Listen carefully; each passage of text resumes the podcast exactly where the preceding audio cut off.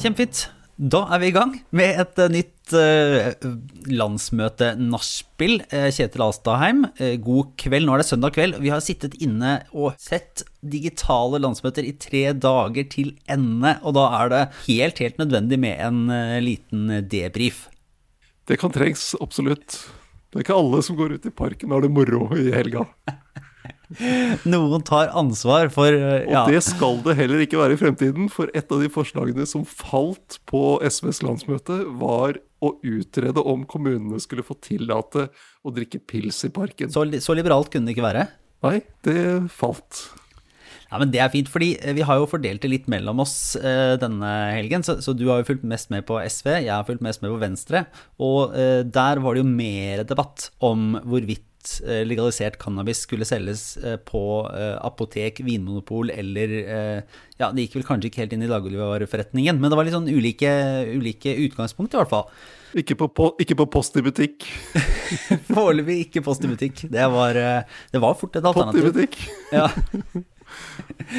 ja, nei, vi får si, Som vi vel varsla på, på, torsdag i den vanlige podkasten, så eh, er det liksom litt mer spenning involvert i SV-landsmøtet. Mm. Uh, og du var vel sånn sett uh, kanskje heldig vinner der. Hvis vi skal trekke fram et par høydepunkter, da. Nå blir det jo faktisk en liten abortdebatt også etter SV-landsmøtet, ligger det ikke an til det?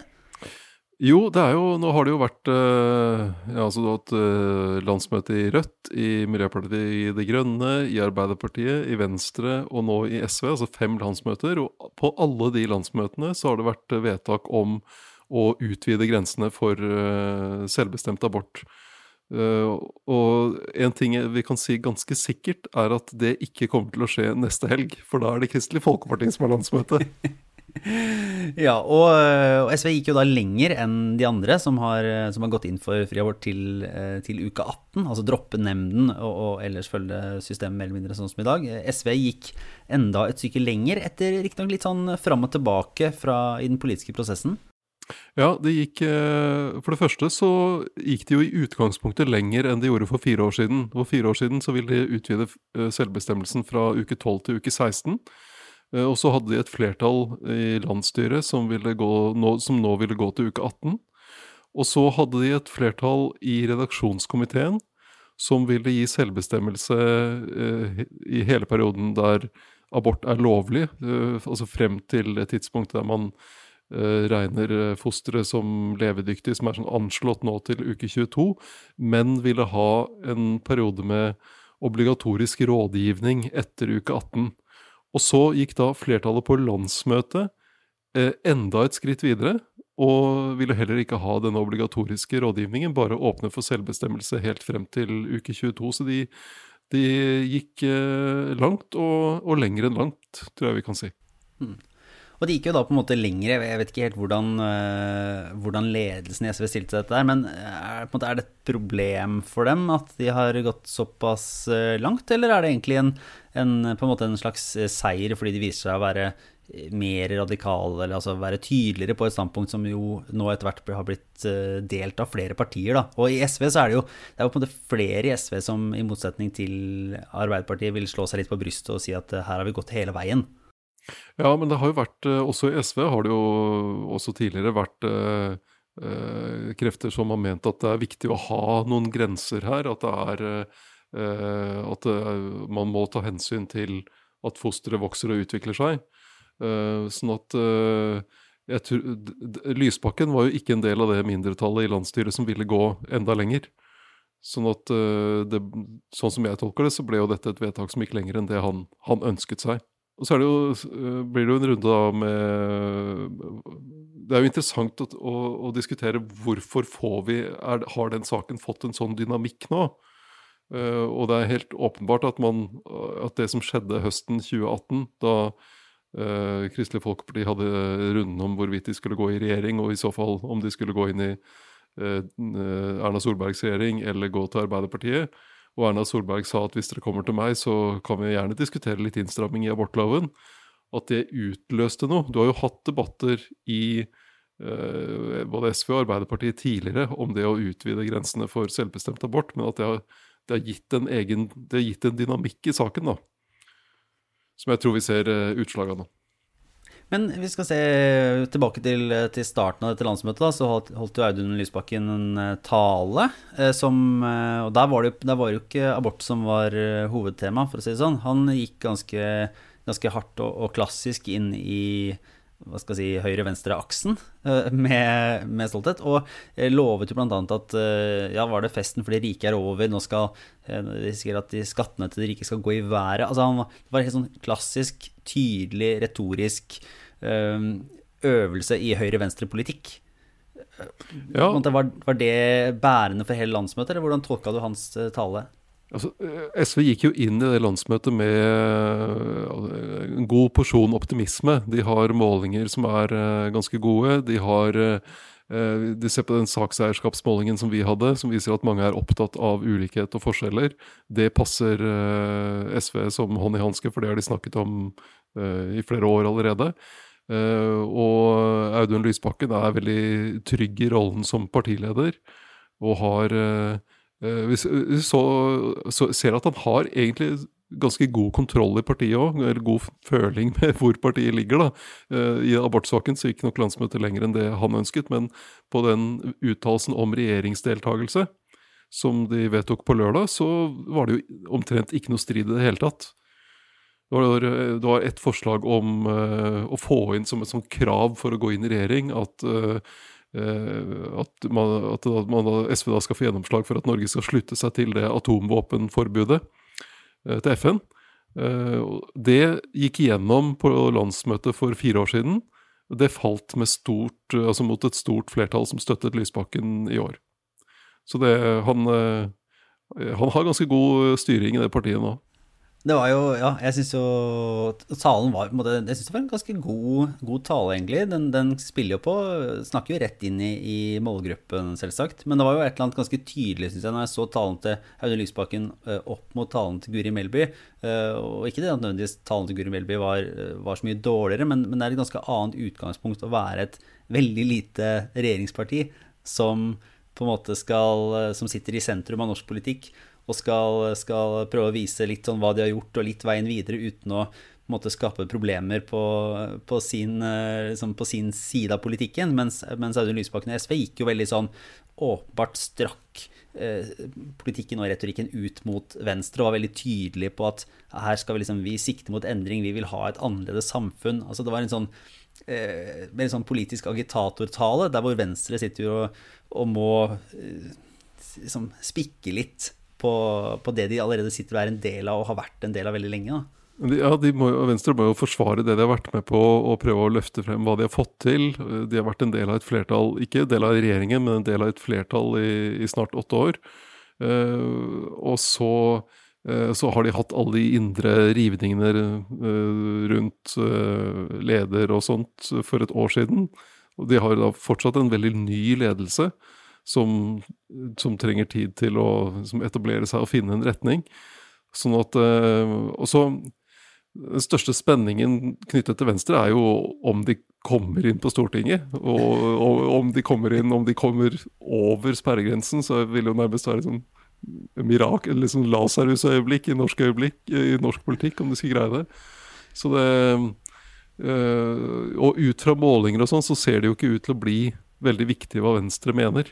Og da, da, dempes jo interessen for hva ja, de vet. Si, det, var det, det, var det, jeg satt og, og, og, kjente litt på som fulgte mest på Venstre. da, Så, så tilbake til SV etter hvert. Men, men jeg syns jo at de, de, diskuterer mye spennende politikk. Og jeg tror for, venstre, for venstrepolitikere så var det her et, et, veldig godt landsmøte, der man diskuterte ting som, som eh, de syns er veldig spennende. Det kanskje karakteriseres at det er, det, er, eh, det er, ting som ligger enten litt for langt fram eller litt på siden av det andre, andre deler av norsk politikk går inn i. Hvis du ser liksom på lista for det de har gått inn for, så er det jo til dels eh, altså, sånn spennende eller radikale eller, eller ganske sånn eh, tydelige grep men det ligger liksom ikke noe sånn veldig tyngde bak det som vedtas. Og, og, det er heller ikke noe særlig konflikter i det. Så, så de debattene blir litt sånn eh, kan, kan, bli litt små. da.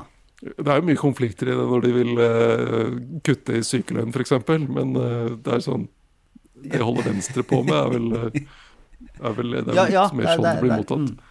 Og så tror jeg nok det var For, for, for distriktsvenstre så tror jeg det var litt viktig at de fikk, fikk noen vedtak på landbruk, blant annet, som var Eh, ganske forsiktige. Altså videreføre støttenivået til landbruk og ikke forby burhøns, f.eks., for som var et forslag som det var vel kanskje fra Unge Venstre. Uh, som, som, ikke gikk gjennom, da, som, var, eh, som Alfred Bjørlo i hvert fall uttalte seg i Nasjonen om at han var godt fornøyd. Han som da Trine Skei Grande ja. kalte for distriktspsykopat. Ja, nei, det var jo flere sånne det var burhøns, og de diskuterte jo vin, som for øvrig altså, Hva skal jeg si uh, nedleggelse av Vinmonopolet og, og, vin inn i butikk. Ikke nødvendigvis nedleggelse av Vinmonopolet, det var jo et argument, men altså vin inn i butikk. Som ble en diskusjon mellom sånn Hva vil gi mest god vin til Norge? Da fikk jeg litt sånn studiesirkelfølelse av dette her. Men det skal sies, eh, jeg tror venstrefolk kommer til å være veldig fornøyd med at det ikke var noen store vanskelige konflikter. Og uh, vi som fulgte landsmøtet, var veldig fornøyd med at de hadde et, et godt opplegg som gjorde det mulig å følge disse debattene og og, og tok det liksom, eh, område for område. og Det var, det var mulig å, å, se det, og folk debatterte faktisk med, med genuin uh, uenighet. og det, var, det, er jo underholdende da, når man faktisk skal, skal følge med på det. Men jeg tenkte uh, i SV-landsmøtet så var jo noe av det som vi sa på forhånd ville være spennende, var jo det der skillet mellom hva skal jeg si, den lille konflikten som lå mellom naturvern og klima, som jo er et vanskelig dilemma, og som Audun Lysbakken i, mm. forkant av landsmøtet sa at kom til å bli vrient. Eh, og som særlig gjelder vindkraft. Eh, hva var det de egentlig endte opp med å, å lande der? Ja, de endte opp med et slags kompromiss, med, der de sier nei til storskala vindkraftutbygginger på land, og så sier de nei til uh, bunnfast havvind hvis det ligger nær land. Du har jo noen grunnområder i Nordsjøen som, som ligger langt ute, men, så de har en åpning for det. og så så, så, det de har en åpning for, er uh, altså bunnfast havvind som ligger uh, sånn at du ikke kan stå og se på det fra fjæresteinene. Og så flytende havvind, som de vil satse på. Og så uh, åpner de for litt sånn småskala vindkraft på allerede industrialiserte områder.